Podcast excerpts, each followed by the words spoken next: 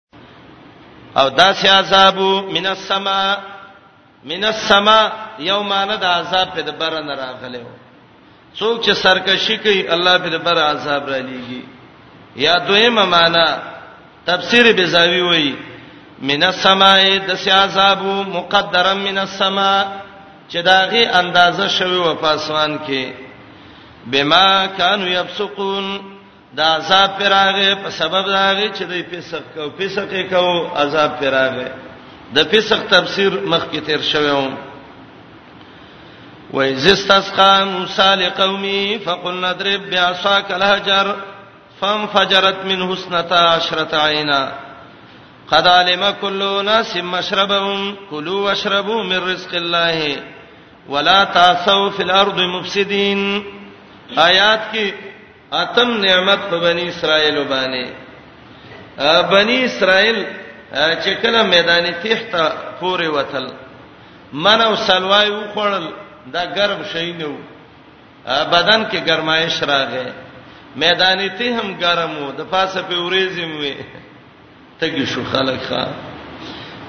موسی علی السلام لرال وتوی ویل موسی تګي وب پکار دي موسی عليه السلام تا دې زه تر اوستیو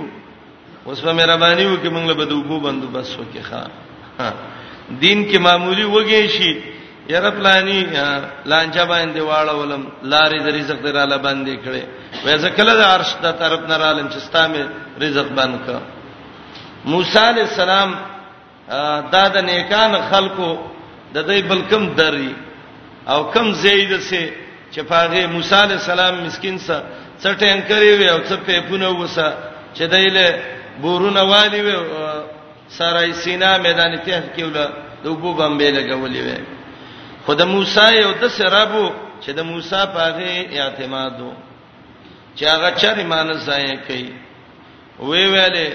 د الله نه سوال وک الله بنی اسرائیل زما قوم دی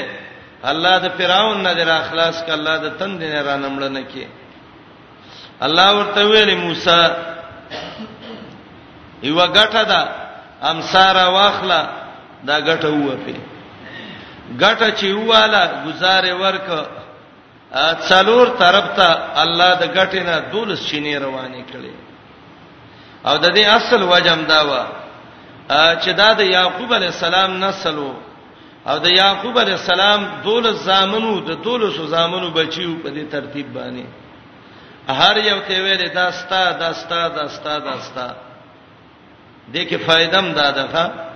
حکمت قران کې چې الله کم کار کړی دی الله حکیم دی وفعل الحکیم لا یخلو عن حکمت د پوی ذات کار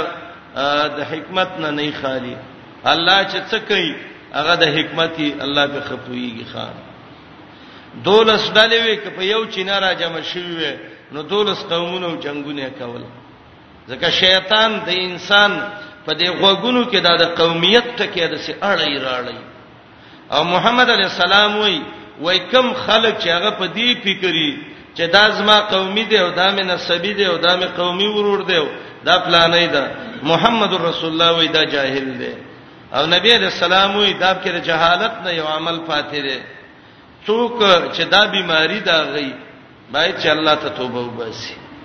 زما امت کې نبی علیہ السلام وی څلور شي نه دي چې دا د جهالت نه پاتې دي نسبونو قومونو باندې فخرونه کول زه د اوچت قومه ما ته څه جولای زه اوچت قومه ما ته څه پلانې دا د جهالت کلمې دي بای چې سړی ونه وای نور تلاڅکه زمنګ استاد په مړو کې قومیتونه راووتل د پلانې قوم مړې ده دا به د سیدا بغسی زمنګ په جماعتونو کې قومیتونه راووتل زمنګ په منځونو کې قومیتونه راووتل که قوم مې کوي زم کوم او کاغه نه کوي زم نه کوم دا د جهالت کلمه وا زما خبره چې هر څوک وي د دې قصو نه توبګار شئ والله چې د دې کارونو نه من توبې نه ایستري قسم په الله کله الله رحمتونه په من نازل شي قران مې مخې ته پروت دی ځکه محمد رسول الله وایي چې دا د جهالت عمل دی د جهالت په عمل الله رحمتونه نه را لېږي الله عذابونه را لېږي نن ټول خلک عالم سبکینه مولا به هغه به ضروري یره دا څه د نسمن چوي دی زما قوم الکستا قوم نو څه شي او پلانې د څه دی او پلانې سیدا دغه دی دا ملامت هم دی خو ورور مې دی قومي مې دی څه بوله وایم او خلک خبره کوي وای خبره به د الله د پاره کې وډانګې به د ورور د پاره وې دام د جهالت خبره ده خبره بم د الله د پاره کې وډانګې بم د الله د پاره وې دا اسلوب دی شریعت کې قانون موږ ته خودلې دی او کوم دا قصې شروع کو چې دا زما قوم دی او دا د بل قوم دی نو دا خشینه دی ابو ذر غفاری دی رضی الله عنه ماشاء الله جندب ابن جناده ابو ذر غفاری و مسلمان او هغه صحابي چې نبی عليه السلام ویلو د شین اسمان د لاندې او د خړې زمکه د پاسه د ابو ذر غوندې رښتینی بچی مور نه دی راوړی او هغه صحابي چې رسول الله عليه السلام ویلو الله دې ابو ذر باندې رحم وکي یوازې ګرځي او یوازې به ملکیږي ښا او د سه نظریه د ابو ذر جوړه و چې دا به ویلې ایو روپۍ چا واغستا جهنم کې یو غوفه وای کدوې دوی وای شام کې وو د لانجې جوړ شوې عثمان رضی الله عنه ویل مدینه ته راشه مدینه ته راغې نو خلکو به ته پوس کول چې لانجې جوړون کې خلک ډیر دي کله د یو چا یو نظری او بس دا بل برا پاتېږي دا څنګه دی او دا څنګه دی دا ډیره نکته چینی مکوې دا خنۍ نو ابو ذر ته ویل ابو ذر دا روپۍ جمع کول څنګه دي نو هغه ویل کایو روپۍ دې دغه کړه جهنم کې به یو په خره او کدو وینو دوه بخره که یو روپۍ و یو داغ به یو کدو و دا د بزر تفردو نور پیسې حلال جمع کول د څه ګناه خو نه ده دته تفردات د صحابه وای عبد الله ابن عمر داغه تفرد دا چې او داس کې بدنه نسترګې انځي استداغه نه عبد الله ابن عمر ولوندم شو عبد الله ابن مسعود د د تفرد دا چې رکو کې تطبیق بکې لاس براخله او د زنګنانو منځ کې به ورکه دیته تفرد د صحابي وای د صحابي احترام په خپل ځای دی نور موږ د نبی له سلام په سنت باندې مو دغه یو دا نو خلکو ته ویل روپۍ جمع کول دا غونه د ور دی وای او وای دا عثمان چې جمع کړي هغه ول عثمان هم په سوځینو ما خدای یو خبره مدینه کې یو لانجه جوړه شو او اکثر دا باز خلک دا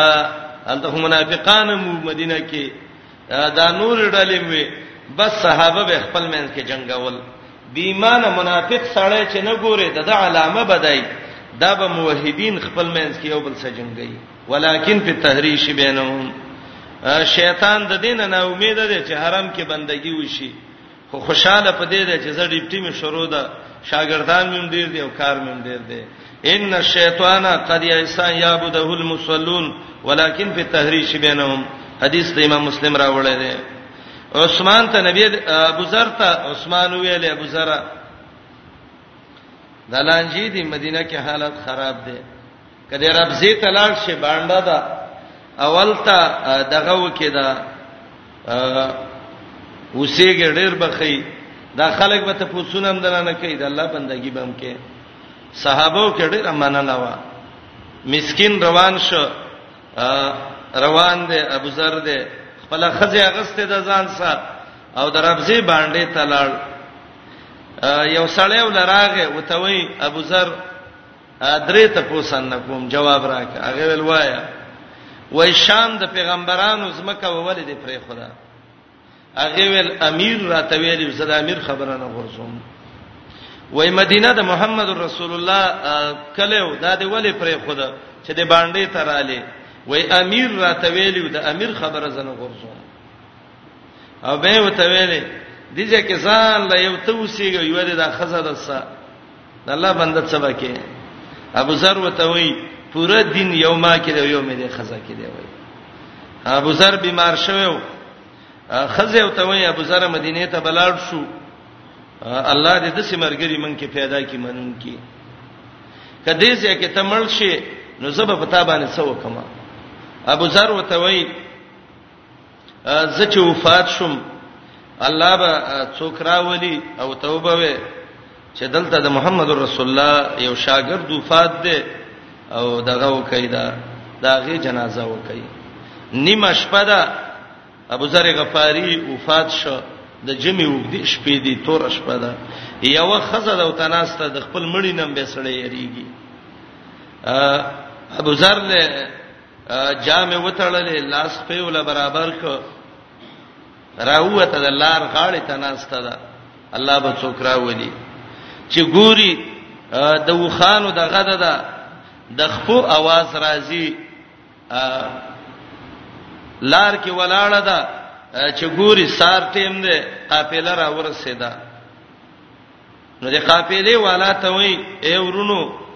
انها هنا رجل من اصحاب رسول الله توفي د محمد رسول الله یو شاګرد وفات شوه دی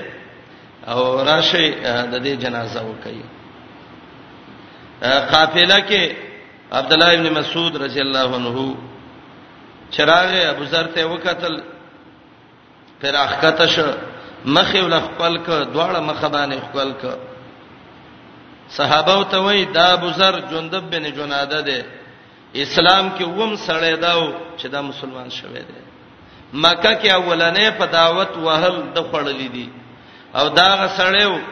چې نبی علیہ السلام ویلو چې د شین اسمان د لاندې او د خړې زمکه د پاسه د سې رښتینی بچي مور نه راوړل لکه بوزر چي دي او دا هغه سړی چې محمد رسول الله وای چې ويموت واحده یو به ملکیږي وازه دا ابو ذر دی جلیل القدر صحابي دی یو ځل د بلال رضی الله عنه سره د صباح سراغه مرګري کله خبره راشي نو بلال ته وی یبن السودا اے د تورې خزی بچي ته اوس ماته خبرې کې دا خپل قومیت دا تر اوچت شو یبن السودا اے د تورې خزی زویا امام بخاری معلقاً دا روایت راوړی دی الجامع کې نو نبی علیہ السلام ته وی ابا ذرن انک امرؤن فیک جاهلیه ابو ذر هغه د جهالت خو دی وسم نه پرېخه چې د د تور قوم دی او د د تور امور دی یاد کړه ته هم مؤمن ولې دا د جهالت د قومیت خبرې کې ابو ذر رضی الله عنه په جړا شو او پچغو چغو وجړل او ځان ته وای ابو ذر زما د کعبه پر رب قسمی تا نه دا جهالت زننو باسما دا چې کله من خپل زړه ساده سي قصو کوي وزي او کنه وزي ابو ذر بلال ته وای بلال راشه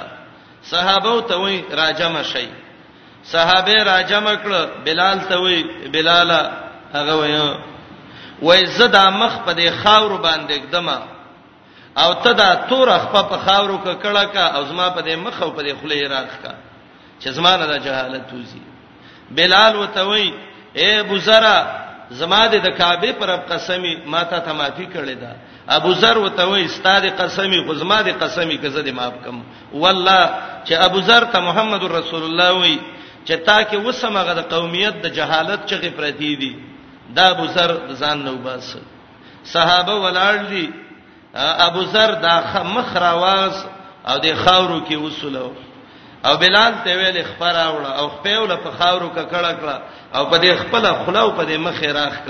او ځان ته وی ابو ذر جهالت د نوزی او کنه هغه تور خپا د بلال چې په خاورو خړه ده والله ستاد خلینه غره ده ته په دې خلې وې چې ابن السودا اې د تورې بچیا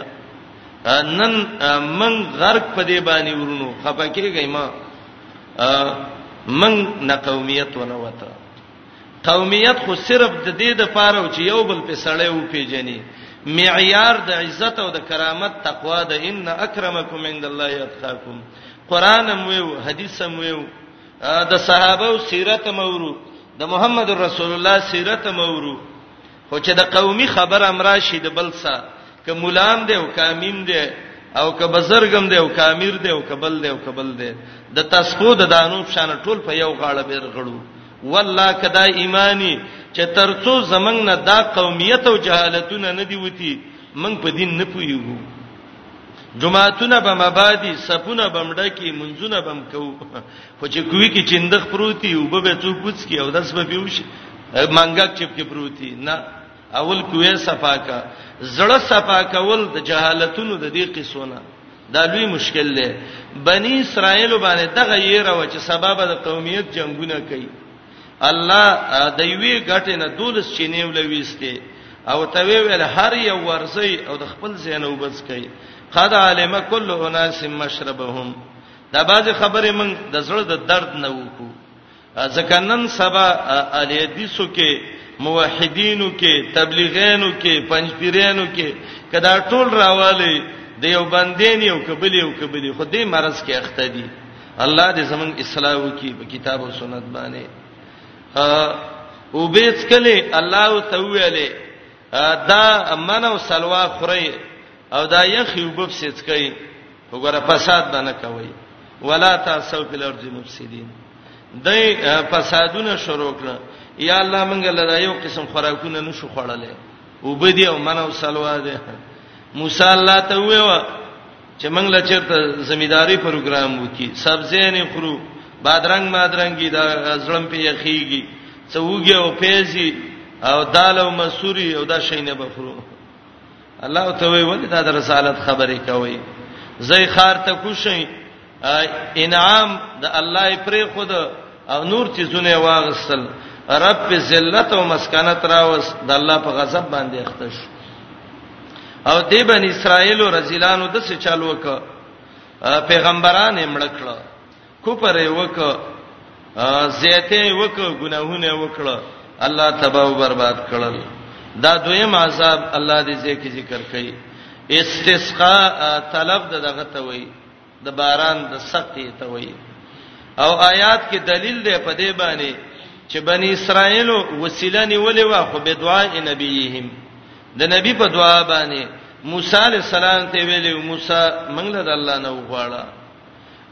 باران نکید عمر رضی الله عنه لخلق رال وای باران نکی اغیرال عباس ته ویلې بخاری کې روایت ده عباس ته د نبی رسول سلام ترې دعا وکړه چې الله باران وکړي باځي وګوره عباس وسیله کړې ده وسیله به زوات را لکنه نو که وسیله به زوات وینو د محمد رسول الله قبر لولې نه ورتل عباس به دعای عباسین ابن حجر په دلباری کې هغه دعا ذکر کړی دا چې عباس ویلو الله عذابونه راضی د ګناهونو په وجه الله رحمتونه راضی د دین په وجه الله مونږ ته ضرورت دی الله باران وکي دا وسیله وا خو به دعا الحي الصالح د په دعا د نیک هغه نیک چې هغه ژوند دی حدیث د عام الفتق صاحب مشکات راوړی دی وای دغه نه کېده دا باران وای نه کېده عائشه جنها له ویرال وای هغه ویلې چې د نبی له سلام د قبر نه یو سورې وکي اسمان طرف ته او چې سورې وک نو دونه بارانونه وشو چې فصلونه ډیر شو غیاګان ډیر شوې حیوانات دون زیت ماړ شو پته قربای کې شلولو ته وای چې دا غوخه دون ډیر شو چې قریب و چې د حیواناتو څرمنې شلولې وای ښا وګوره وای د نبی اسلام قبر وسیله کړي لري دا روایت اته طریقو باندې دا روایت ضعیف دی هیڅ سند نشته دی صحیح زه وګورئ به دا کیدا دلیل په ونی سي نو آیات کې یو دلیل پدې ده چې توسل به دعای النبی او به دعای الحی الصالح او دویم دا ده چې معجزه د پیغمبر اختیار کې نه موسی علی السلام ده د دې غټې نوبره وتل الله د معجزه وګرځوله خو د موسی اختیار کې نه استسقا د الله نه طلب د باران کړي دي او دریم د آیات کې دلیل په دې باندې دی چې استسقا یو امر شرعي دی په ایامو د قحط کې بارانونه نه استسقا وکا قران او حدیث کې د استسقا درې طریقې دي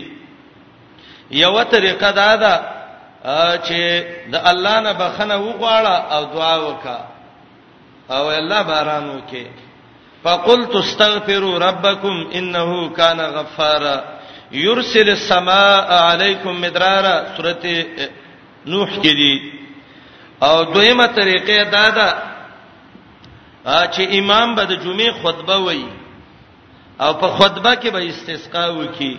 او دلیل هغه حدیث دی چې نبی علی السلام د جمعې مسجد نبوي په منبر ناسو باندې چې راغې او ویل یا رسول الله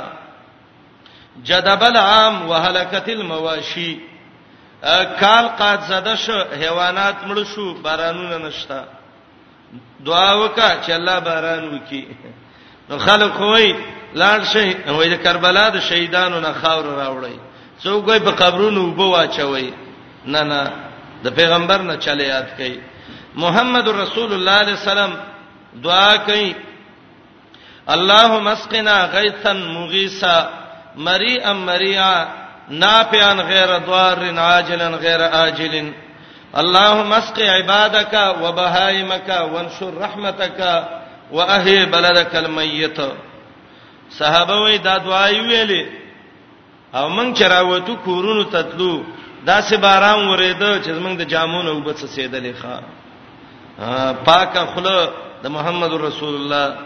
دعا پاکه په اخلاص الله قبلې او دریمه طریقه دا ده خلک به یو صحرا ته وځي صدقه به مو کی اول ته چوته الله نه بخنه به مو غواړي امام با یو لنډه غونته خطبه وایي او دعا به وکي یو دوه رکعات منځ به وکي قلب الرضا دا صادر به الټه کی دا ټول حدیثو کې شته دي امام سیبوی امام ابو حنیفه رحمۃ اللہ علیہ و استسقا کې مون نشته دي من وې وشته دي محمد رسول الله کړه دي صحابه وکړه دي کې دې شي دا حدیث امام سیب تر رسیدلې نه او امام سی ویلو چې کم کلی کې چرته ته صحیح حدیث ملاو شو اذا سهل حدیث فهو مذهبي شامی اول جز 15 پته کې امام ابو یوسف دا غنه نقل کړي دارنګ ابن عابدین ته نقل کړي دي چې صحیح حدیث هم به می ته د ازما مذهب دی قلب الردام شته دی استسقا کې منظم شته د الله نبی علی السلام کړي دي او د سر ډېری خبرې دي امام صاحب ته رسیدلې نه دي امام صاحب وایي حقیقت نشته ده من وښته ده محمد رسول الله کړي دا صحابه وکړي دا کې دې شي امام صاحب ته دا حدیث نه رسیدلې امام صاحب وایي په دریم او څلورمه به مسلمان زمیدارانه کوي مزارعات باندې کوي منګ یو شته ده بالکل حدیثو کې شته کې دې شي امام صاحب ته دار رسیدلې نه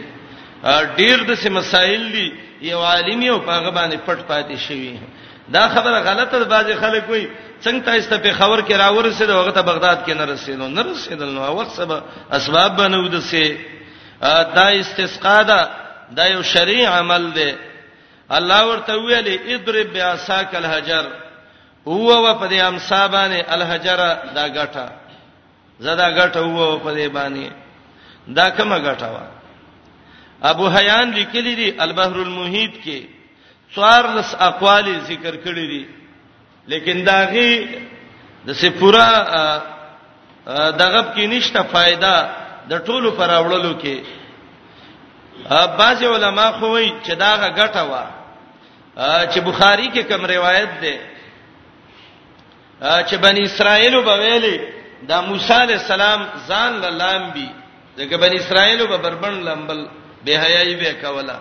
وای په موسی باندې یو مرز ده چې هغه ته ودرا وای انتفاق الخصیتین دا د موسی بیماری ده موسی علی السلام من سزکه نه لامبي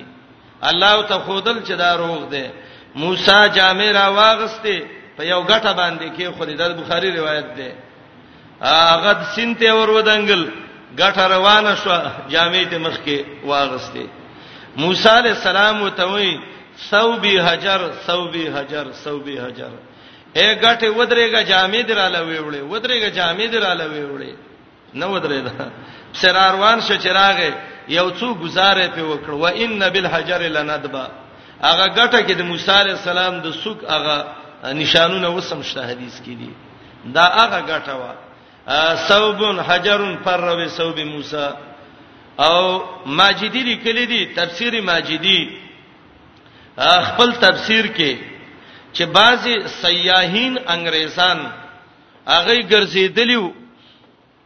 او هغه دا ګټه لیدلې و او دا ګټه چې و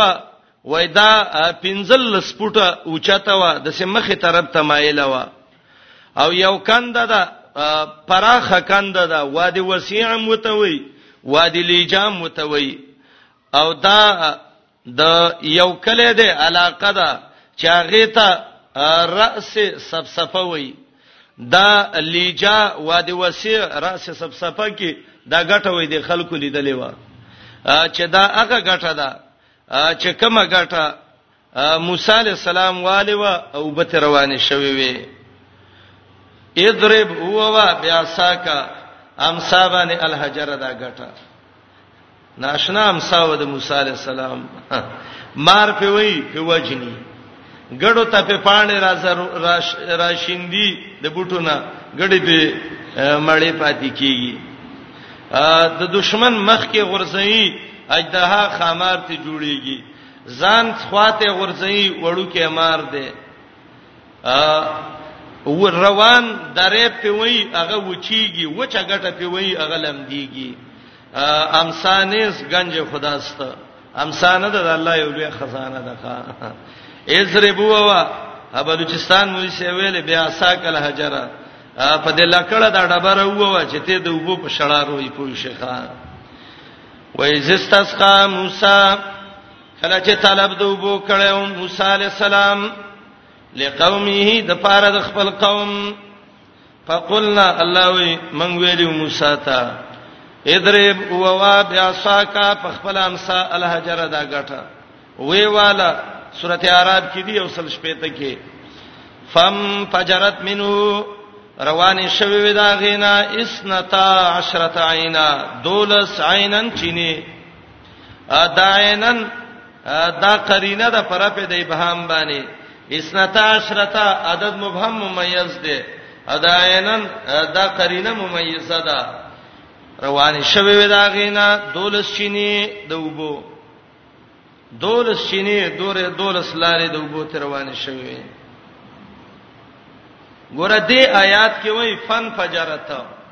سورته اعراف کې براشي چې وی والا پم بجست الته انبجاز ده او دلته انفجار ده یا خود قران د الله الفاظ دي دواړه صفاتونه کیو اول انبجاسو چې وبلګي راوتلې به انفجار شو وبډېر شولې او دویم دا ده چې بني بقره کې نعمتونه ذکر کړي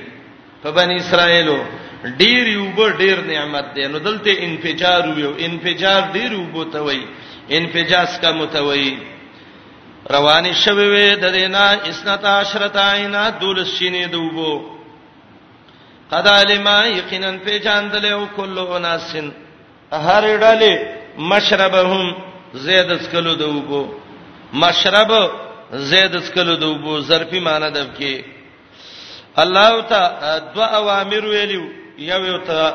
نه کړي وا کلو خری واشربو چکي زیمن خری سلوا خری او چتګی کېدی واشربو وبڅ کوي کنه دا وبڅ کوي د غټینا او مر رزق الله چې دا ټول د الله رزق دی خوري اس کوي د الله د رزق نه دې کې دې ته اشاره ده لکه څنګه چې دا خوراک دا رزق دی او بم رزق دی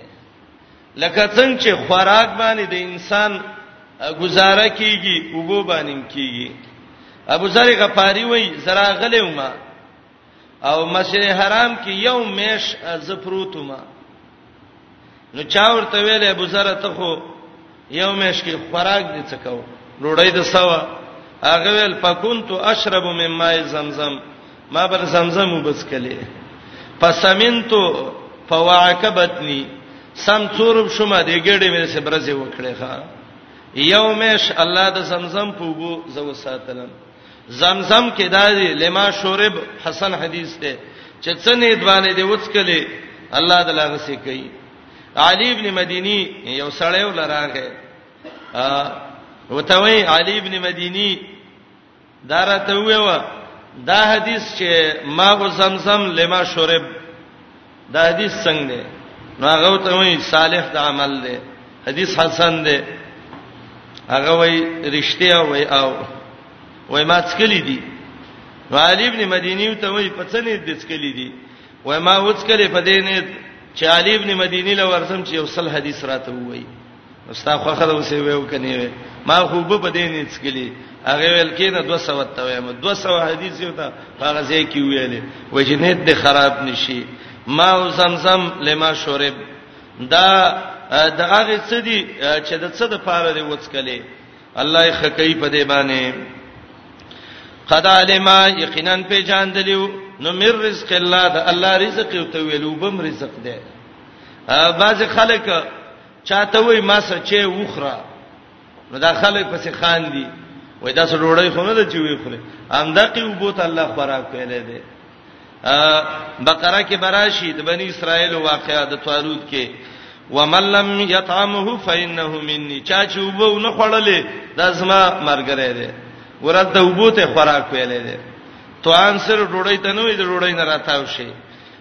رزق طعام عمومي کلمې دي ومن لم يطعمه فانه مني یقینا په جان دلیوا هرړلې سیادت کلو د وبود دغه خورې اسکې د الله د رزق نه ولا تاسو بل ارض مفسدين عسوا لغوي معنی ده فساد او د عسو د عسونا عسون کدا ناقص واوی شي نو معنی د الفساد او کدا د ناقص واوی نشي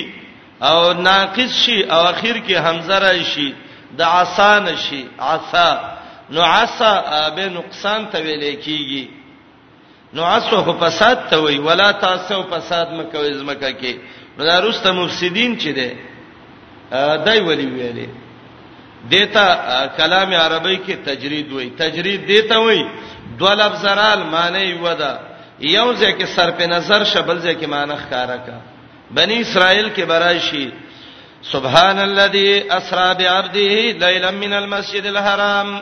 اسرام د شپې بوتلو ته وی لیلا نم وی الته معنا وکړه چې بولې د خپل بنده د شپې دلته معنا وکړه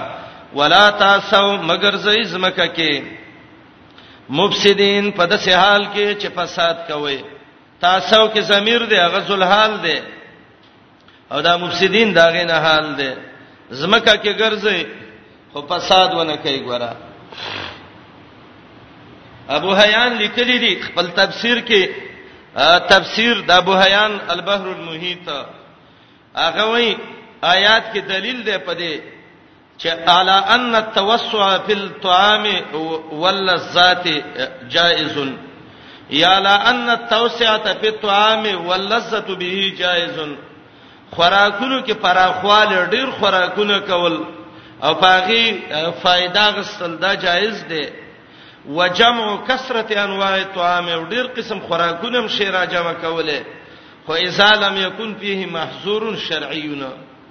چې شرعي مانع پکې نه وي ويكون حلالا حلالي اسراف پکې نه وي نو ډیر شی را جمع کوله خو شرط بدای چې ولا تاسو په لارځ مفسدینا مگر ز ازمکه کې فسادګر دا یو شرط یو تداوی او زې خړی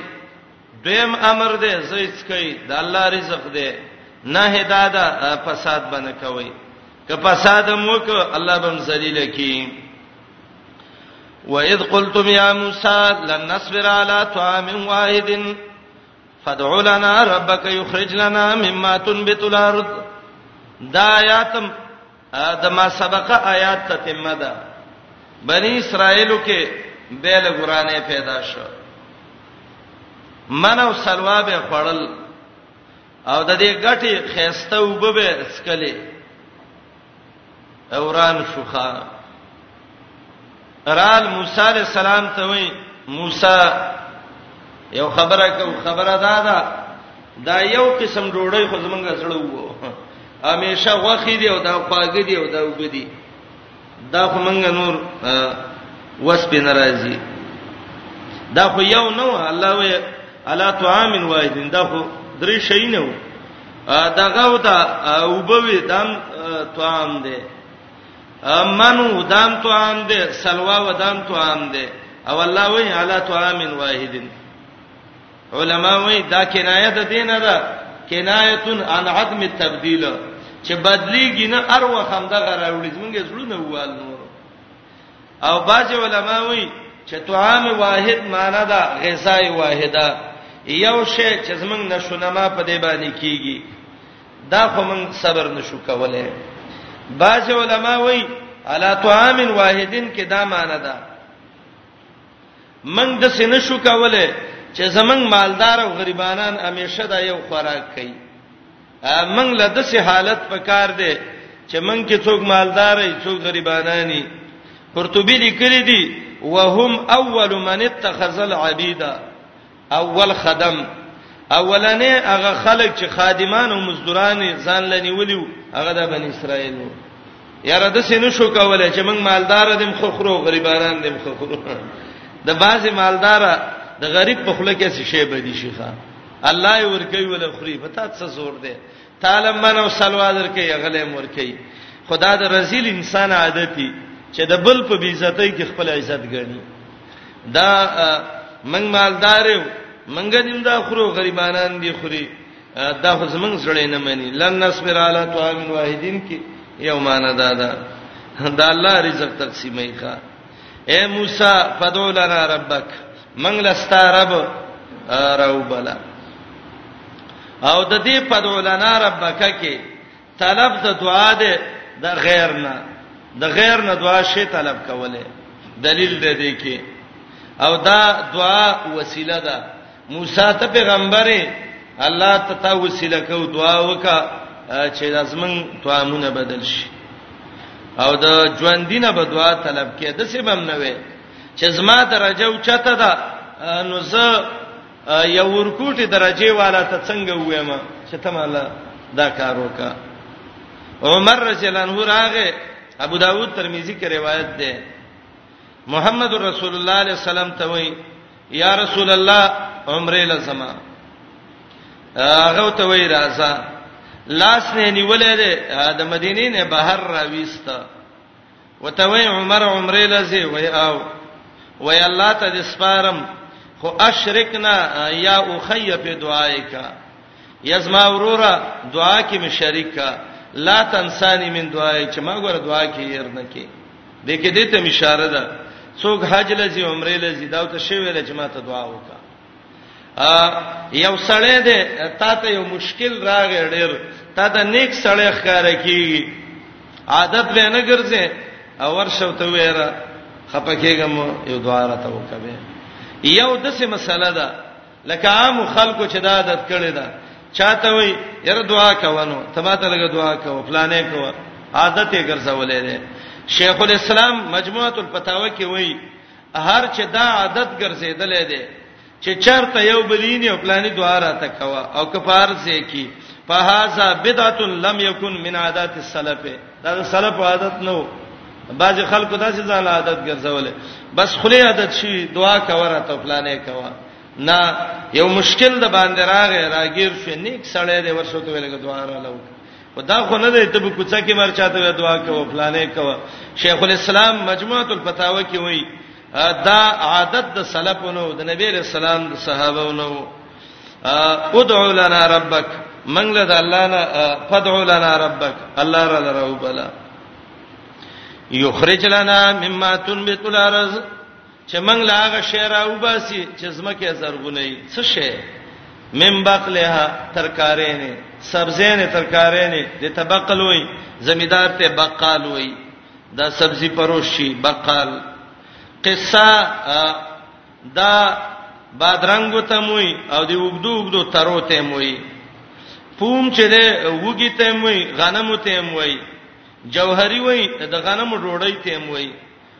قرطبي وایي حمص چڼو ته هم وایي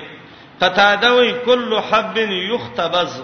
هر دانی چې وړکیږي او ډوړی ته جوړیږي هغه ته فوم وایي عامه مشهور معنی د وګیو د غنمو ده عدس دالو ته وایي به دا عموما راواله مسور شو دال شو نسک شو دا ټول پکې دي بسول وګی ته موي او پیسو ته موي د ټولو ته ویلې کیږي اے موسی علی السلام دا غوخ نور نه شو خوړې دا خواګن شو خوړې منګلا دا یخ بادرنګ پکار دی دا ګرمه وګه دا دال او دا ترو پیز او دا ترخه او دا وګي پکار دی موسی علی السلام ته یې ساده غانو اتستبدلون الذي هو ادنى بالذي هو خير یاو ته الله دا ویل دي عجیب خلک وي معمولی شی غره کوي او غډیر پرې دی سخت سادهګانې وي ها ورکوټه چیز او دا الله ډیر به نعمت دا تاسو دا کوي دا زئی چې خوخمي احبتو مصر خار ته ورشي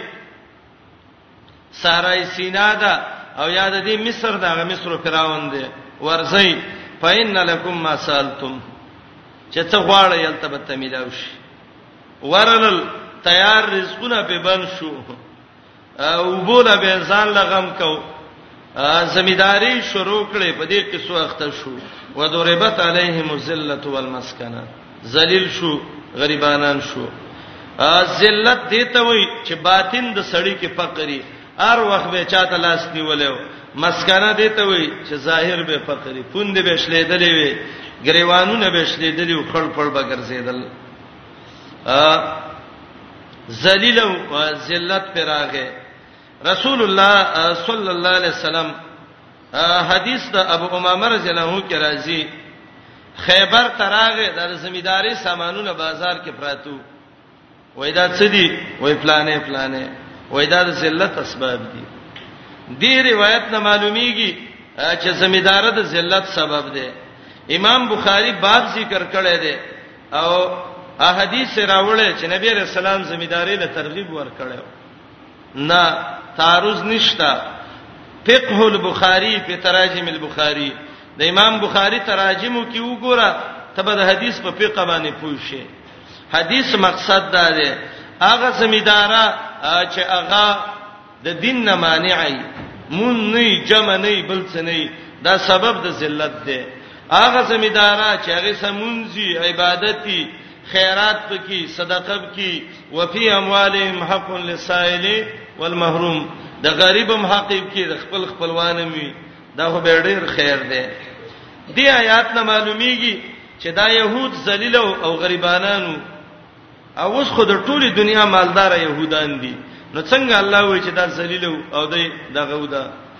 د مسکنت والو نو یو جواب دا دی چې دا ذلت او مسکنت د پیسو نه او د قلت المال نه او دا ذلت او مسکنت د دې د بد اخلاقۍ وو او وسم په ټوله دنیا کې ټول بد اخلاق يهود دي تاسو وګورئ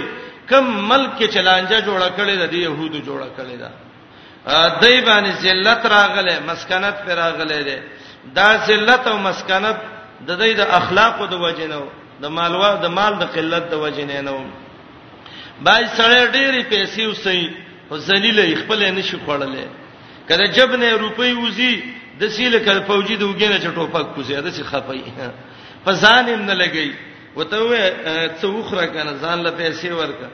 یاره یو لاک دینو چې زر ته کمې کم لیونه انسان له جون بربادوم ته کما کله خوراک نه څه جوړیږي جمع کول غواړي سبا به زیړه خلنی ونی او تروانی او بچی په جنگ کوي یو یې کما کله نه پوی دی په راویلې کار ته واخلای ښا الا ان الغنا ها هنا مال دی هغه دی چې دی وخور او ختم دی که واده و زوړ دی که خیرات دی که اخرت لري جمع کړه نور خو ته څوکیداري یو اثر کې راځي وای کله چې دا انسان وای د ازماز مکه ده وای د ازمه کده خپل شان مناسب وخاندي چې د سې د دادام ویل چې د ازمه دا غت شو استانی کزما څوکیدار او غران لاړ به د پلار زما څوکیدار وسته څوکیدارې بچی به راځي زما څوکیداران وي څوک چې څوکیدار نیولې اصلي مالک غنی ښا خلک نن سبا حرس چې ده بخل چې ده ډېر مهلک مرز ده ښا بعضې د شي خپل هم نه خوري چې بلې خوري په ساري وته دریږي ټول ورځ پر دې پیسې شماري آی ډېر کړي وای غرق شوم او د شي شوم غرق شوم نه دا شنه ده په کار ذلت د اخلاق نه ده په کار ماجدی لیکلی دی خپل تفسیر کې چې الله څه ویلي دی هم د قصې سیدا اخلاق لا څه کې مالداری په يهودو کې دا په عوامو کې نشته عموما يهود غریبانان دي وای زه خپل ګرځیدلې مداوي په دې يهودو کې او مالدار خلک په دې کې دا څه خاص خاص خلک دي د الله ذلت پر راغې مسکنت پر راغې د الله غضب پر راغې غضب فاتحه کې مې ویلو سوران النفس الله ته غصه شو وینا چې جوش وکي چې بدله اخلي دې ته دغه ویلې کیږي غضب ویلې کیږي دا ولی د کفر کاو او علما ذکر کوي چې دا شی نه ذکر کړه بطل قصافوم عادس بسل ابو حیانم لیکلی دی او تفسیر روح المانیم لیکلی دی نور علماوم لیکلي دي خپل تفسیرونو کې چې ناشنا کاری وکړي خلکو څنګه اولی هغه ذکر ک چې هغه ګرم می یخمی وچمی او لاندمی کې ما هو حار و بارد و یابس و رابد چې هغه بقل ده ځکه سبزی عام لفظ ده بعضی سبزی د سی چې وخوري بدن کې ګرمایش راولي بعضی برودت اخوال راولي بعضی د سی هغه وچه سبزی بعضی د سی چې هغه لمدای نو بقل دایته سی جامعه کلمه ویلې ابو حیان وی قصه هغه ذکر ک چې باردن رطب لامد دی او بدن لا یخواله ور کوي بادرنګ په دغه چې ده دا ورپسې فوم هغه ذکر ک چې هغه ګرمي او هغه وچی ځکه وګه چې دا ګرمم ده وچم ده او ورپسې عدس هغه ذکر ک چې وچ دی خلام یخ دی بدن کې یخواله پیدا کوي دال یخ دی بار دنیا بس او بلې هغه ذکر ک بسول فیض هارون رتب لام د دې خو سخت ګرم دي ای ګرمۍ کې یو غټه وخره وجه ته وببس کې به ښا هارون رتب اول بسل اذا تو به خيسير بارده تیب کې راځي دا پیز دي سبزی کې دی واچل او دا دې پاخه کړه نو چې پاخه دې کړه دا بدن له یخواله ور کوي او چې ومي خوري اگر کلام دې دی خدا څه دی ګرم دی ابو حیان لیکلی دی د دې آیات دلان دی ټول هغه جامع شی نه ذکر کړ چې ټول انواع د حرارت برودت یبوست ربوتت ته شامل دي سمتی به وډا کړی سی ویلې ده ښا ته به ویلار سرات انجنیران وو من بقلها وقصائها وفومها وعدسها وبصلها الله یې څلور مرزونه ذکر کړي الله ذلیل کړو فقر پراوس غضب په وکولې یو خید الله په آیاتونو کو پر کاو دویم دا پیغمبران وجل او دریم دا عصو گناهونه کول او څلورم دا یاتدون زیته کو څلور مرزه کافرو قاتلینو او بیر پیغمبرانو قاتلینو او به ګناهونه کول او زیته کو پیغمبران دی وجلی دي او کني دي وجلی مسله بعض خلکو کې څه اختلاف کړي دي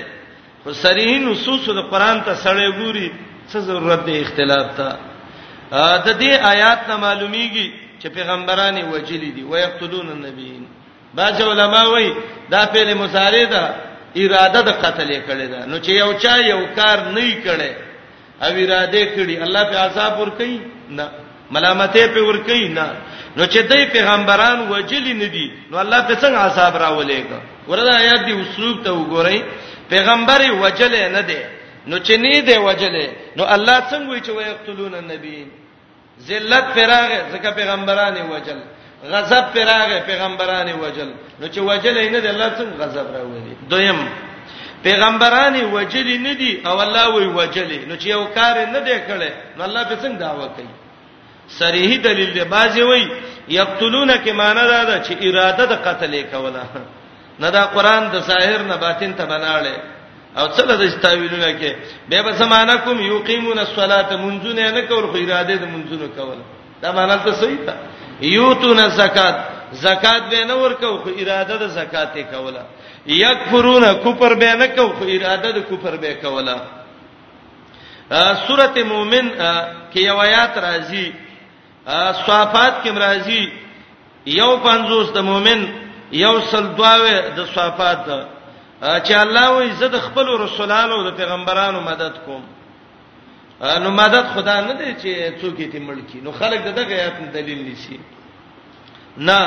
دغه نصرت په دلیل کې دی په پیغمبرانو څوک زوره ور کې دي نشي په دلیل کې او کده سې نه نو قران کې دی وکذالک حقا علینا ننجل مومن زمو مؤمنان له نجات ورکو څونه مؤمنان شهیدان شي او په موږ د مؤمنانو نصرت حق دی دا معنی نه ده کړي چې نصرت ادارې چې پیغمبر څوک نشي وجلې ال عمران یوش یو سل یوته یو سل دواته یو سل دولس بقره واتیا مائده اویا نساء یو سل 55 د آیاتونو کې دي چې د پیغمبران وجل حدیث عبد الله بن مسعود رضی الله عنه ده امام احمد المسند کې راوړی دی اول جز 400 وکی امام ابن کثیرم ذکر کړی دی اشد الناس عذابا یوم القیامه قیامت کې صح عذاب دا سړی دی رجل قتل نبيا او قتله نبي هغه سړی چې پیغمبر وجنی یا د پیغمبر د لاس سمړي پیغمبر وجلی رجل قتل نبيا که قتل ممکن نه وي محمد رسول الله صلی الله علیه وسلم خبر ورکړ چې دای له صح عذاب دی دارنګي زمنګ نبی علیہ السلام نبی دی بخاری کې روایت ده کله چې زنکدان شروع شو د دې نامخ کې عائشه ته وای عائشه خبره تکوم وای څه وای وای خیبر کې غ يهودنې مال زار را کړیو حق زار منکلم وس د سر رګ می وشلې ده کې دې شنور زندگی نه دا روایت امام بخاری راوړی دی زمنګ محمد رسول الله شهید تللی دی د کافرو د يهودو د لاسه ابن کثیر او سیوطی په تفسیر د سورته ال عمران کې یو روایت راوړی دی او روایت صحیح سند سره ثابت دی چې بنی اسرائیل په اول د ورځ کې درې سو پیغمبران مړ کړو وپتهو اسواقهم فی اسرهم ما زیګر کې به بازارونه کلاو کړو د الله صاحب پراغ الله تبارک برباد بعضی وای 300 پیغمبرانو څه کول الله را لېګل کنه زمون پیغمبر مونږ ته ویل دي نو خو درو خدا نه وای دارنګ حدیث د ابو داود کې راځي هغه وګد روایت د خباب ده پاغي کې دا ده والله لقد كان من قبلكم د څه پیغمبران راغلیو من یشتو بمشات الحديد چې د وسپنه په ګمنځو ته غوخي ګمن شوی وي او منهم من يحفر له او ځنې د سیو چې هغه ژوندۍ خر شویو ومنهم من یوزع المنشار علی مفرق راسه ما دون لحم وازم فسر ول د وسپنې اری خوا او اډو کې غوخه ول پرې کولې خو پورې په مند کړی او هغه حدیث چې زکریا علی السلام وجلو یحیی علی السلام وجلو او هغه سره ډانچې د یحیی علی السلام ټوپونه وال دمشق ته هغه بادشاہ چې کله راغې وای دا ولی وای دا د خلکو یحیی علی السلام ملک او دا پیغمبرو د د بدن وسقلاریږي نه بادشاہ 300 کسان چې د قتل کې شریکو د فاسه په حلال کړ اغزه کې او داغه بدن په قلار شو پیغمبرانو وجلی دي او دا یو ګناه کړی و ځکه الله وی ويقتلون النبیین وجلب پیغمبران بغیر الحق دا بغیر الحق د دای د زیادت تقبیح او د تشنیع د پار راوړی دی وربي ګنای پیغمبر وجه معنی ته وګورئ وَإِذْ قُلْتُمْ كَلَّا وَيَلِوْ تَاسِي يَا مُوسَى اے موسی علیہ السلام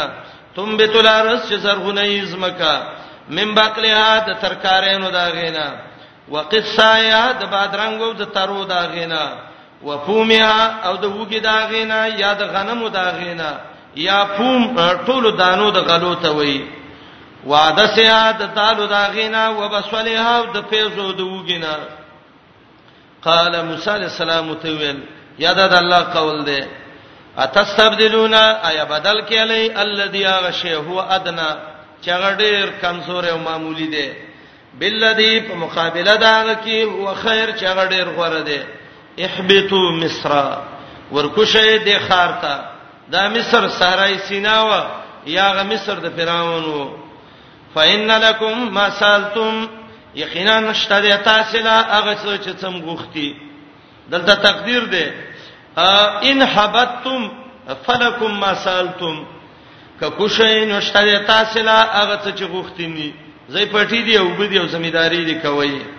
دا غدوی مذهب وضربت علیهم الذلہ وهل شوه او په دای باندې ذلت والمسکن او فقر فقر او ذلت په وال شوه وبا اورا ګرځیدلیو بغضب من الله تعالی فقهر باندې د الله غضب او قهر پر راګرځیدل یو دا زکا کانو د یکفرون کفر به کوم به آیات الله د الله فآیاتونو ويقتلون النبیین وجل به پیغمبران زکریا علی السلام د ونه په منځ کې ونه ول پناه ور کړی و دای اره کړو بغیر الحق پناه روا یو جرم یکفرون بیات الله دویم جرم یقتلون النبیین دریم جرم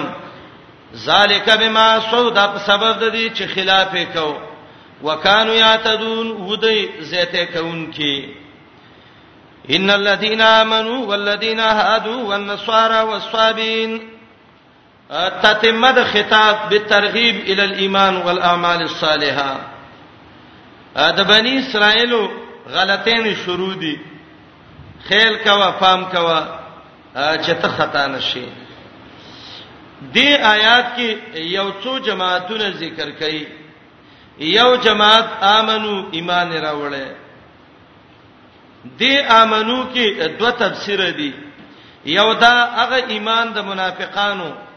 چې په خلی ایمان او زړه کې نو دا امنو دي مدارک لیکلي دي او دویم دا چې دا امنو صحیح مؤمنان دي او رست من امن بالله دا دغه بیان او بدل دی والذین هادو دویم هغه خلک چې هغه يهودینو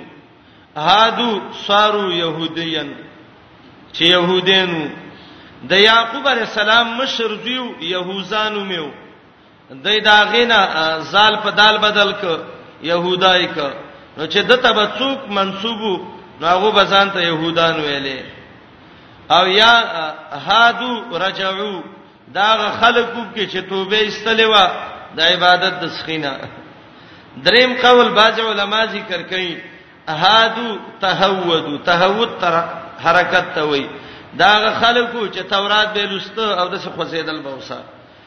دیو جن ابن کثیر او نور علما وی د قران تلاوت صدا خوزیدل د ښه کار نه دی بدعت دی سلف او صحابه او چې بدین تناسو د څه بغلی ناسو ک مرغی بد دی باندې کیناستا نو معلومه ولې به نشي چې انسان دی او کنا غیر زوی روح دی نصارا دا یو کله فلسطین کې چې هغه ته ناصره ویلي بیت المقدس سنځدي او یا مل یو زیو کلیل علاقه باندې او دې کلیل سره یو کله او چاغه ته ناصرتو کلیل ویلې او یا مل د بیت المقدس نه د شمال په طرف دا آبادو او په دې کې یو قوم چې دې ته به دغه ویلې نصارا به وته ویل علماء وی اتزرو او دغه ځای کې عیسی علی السلام پیدا شوه مفردات القرآن کې امام راغب وایي دای بزانته نسوارا ویلې یا نسوارا هغه خلک چې ناصره کلی کې اوسېدل یا امدادین د عیسی علی السلام صابئین یو قول دا دی چې صابئین نسواراو کې یو قوم وو الین منهم قولا نرم وینا به کولا وهم السائحون داغه خلکو چړېره روزي به نیولې او به بيدینه شویو دویم دا ده صابئین یو قومو د مجوسو د نصاراو مینس کې اوسېده چې اسماني دین نه وو دریم دا د يهودو او نصاراو منځ کې یو قوم وو څلورم دا مجوسو د ور بندګي به کوله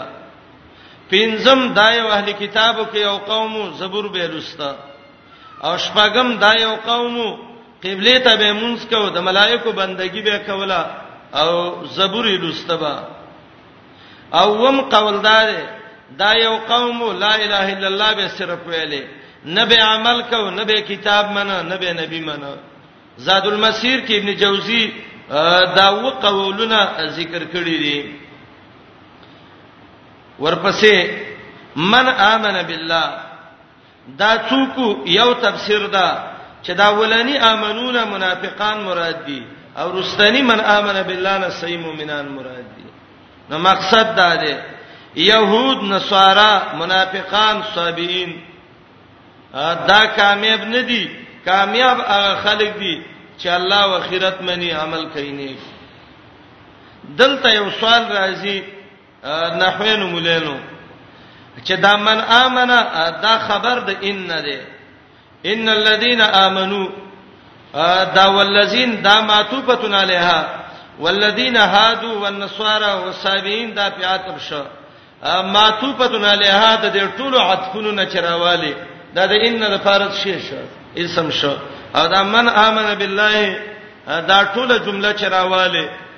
دا په مقام د خبر د ان کې ده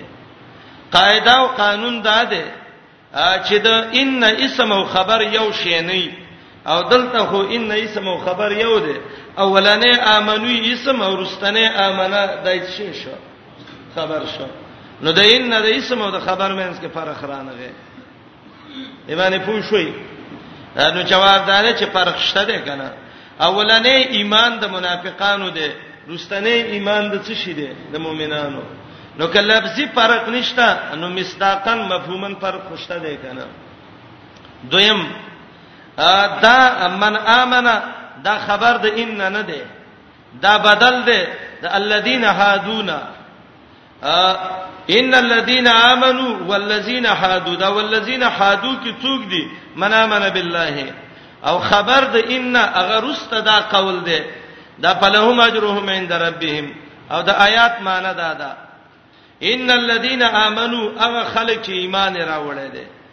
دا مؤمنان دوه قسمه دي یو هغه خلک دي چې دا غي ایمان صحیح دی او دویم هغه خلک دي چې هغه منافقین په ایمان دي نو امنو منافقین په ایمان او من امن بالله د صحیح ایمان والا یقینا خلک چې ایمان راوړل او هغه خلک چې يهودین دي هغه خلک چې نصارا او سابین دي او ظاهر د آیات دا خو معنی شوي خو فهم الایا آیات باندې به څنګه ځان پوي کوي آیات څه مقصد دی اشاره آیات کې دا دی ک یو سړی په خلی وای چې زه د محمد رسول الله امتی مو جنتی مو نه به مونږ کوم نه به عقیده او نه بل څه یو سړی وای زه د موسی علی السلام امتی مو موسی جنتی او زم جنتی مو یو سړی وای زه د عیسی علی السلام امتیم په دې بخلا شم یو سړی وای زه د بابا ابراهیم امتیم په دې بخلا شم الله وای په دې یو خلاصې دل نشته خلاصې په څه دې من امن بالله والیوم الاخر وعمل صالحا ایمان عمل صالح ایمان څه شه ده یا ایوه الناس عبدو عمل صالح څه دی قران او حديث منل یقینا خلک چې ایمان راوړي او خلک چې يهودان دي نصارا دي وصابین او خلک چې هغه بت پرستی یا د نور بندگی کوي د ابراهیم علی السلام قوم کلدانین کشتانین دا غینوم د ور بندگی به کوله یا وصابین هغه مجوسین من امن بالله هغه چا چې ایمان راوړې په الله او په ورځ درستنه باندې وعمل صالحا او عمل کړي نیک فلهم اجرهم دایله د اجر د دی عند ربهم پنيز درب د دی الله به ول اجر ورکی عمل به ول قبول کی ولا خوف علیهم نبیر پدې پاینده زمانہ کې آینده وخت کې ولا هم يحزنون نبدې غم جنې پتیر شوی د دنیا وخت پسې دنیا به هم خی اخرت به هم خی باب کې اولنې خطاب ختم شو اته نعمتونه بنی اسرائیل باندې نجات من فرعون نجات من الغرق قبولیت التوبه عفو چوتوي اعطاء التوراۃ او باس بعد الموت قبولیت التوبه تذلیل الغمام انزال المن والسلوى استسقاء او انفجار الماء من الحجر دوا عذابونه ذکر کړو عذاب به سبب تبديل القول او دویم عذاب عذاب به سبب تبديل النعمه او اخر کې ترغیب ایمان اعمال صالحه او ته په نفس ایمان يهودیت نصرانیت سابعیت سره نه خلاصيږي اله بخلاصيږي چې ایمان په الله او په آخرتي او اعمال نیکی نو رب ول دو قسمه اجر ورکی آینده جون به الله خسته کی یې رب پینې او الله به دنیا په غم جن کی د دې سره روسته دویم خطاب دی آینده درسونه کې به وو ان شاء الله جمعه ورځ د نور درس چټي دی السلام علیکم تعال کولو پخپلو دعا غانا حتا ته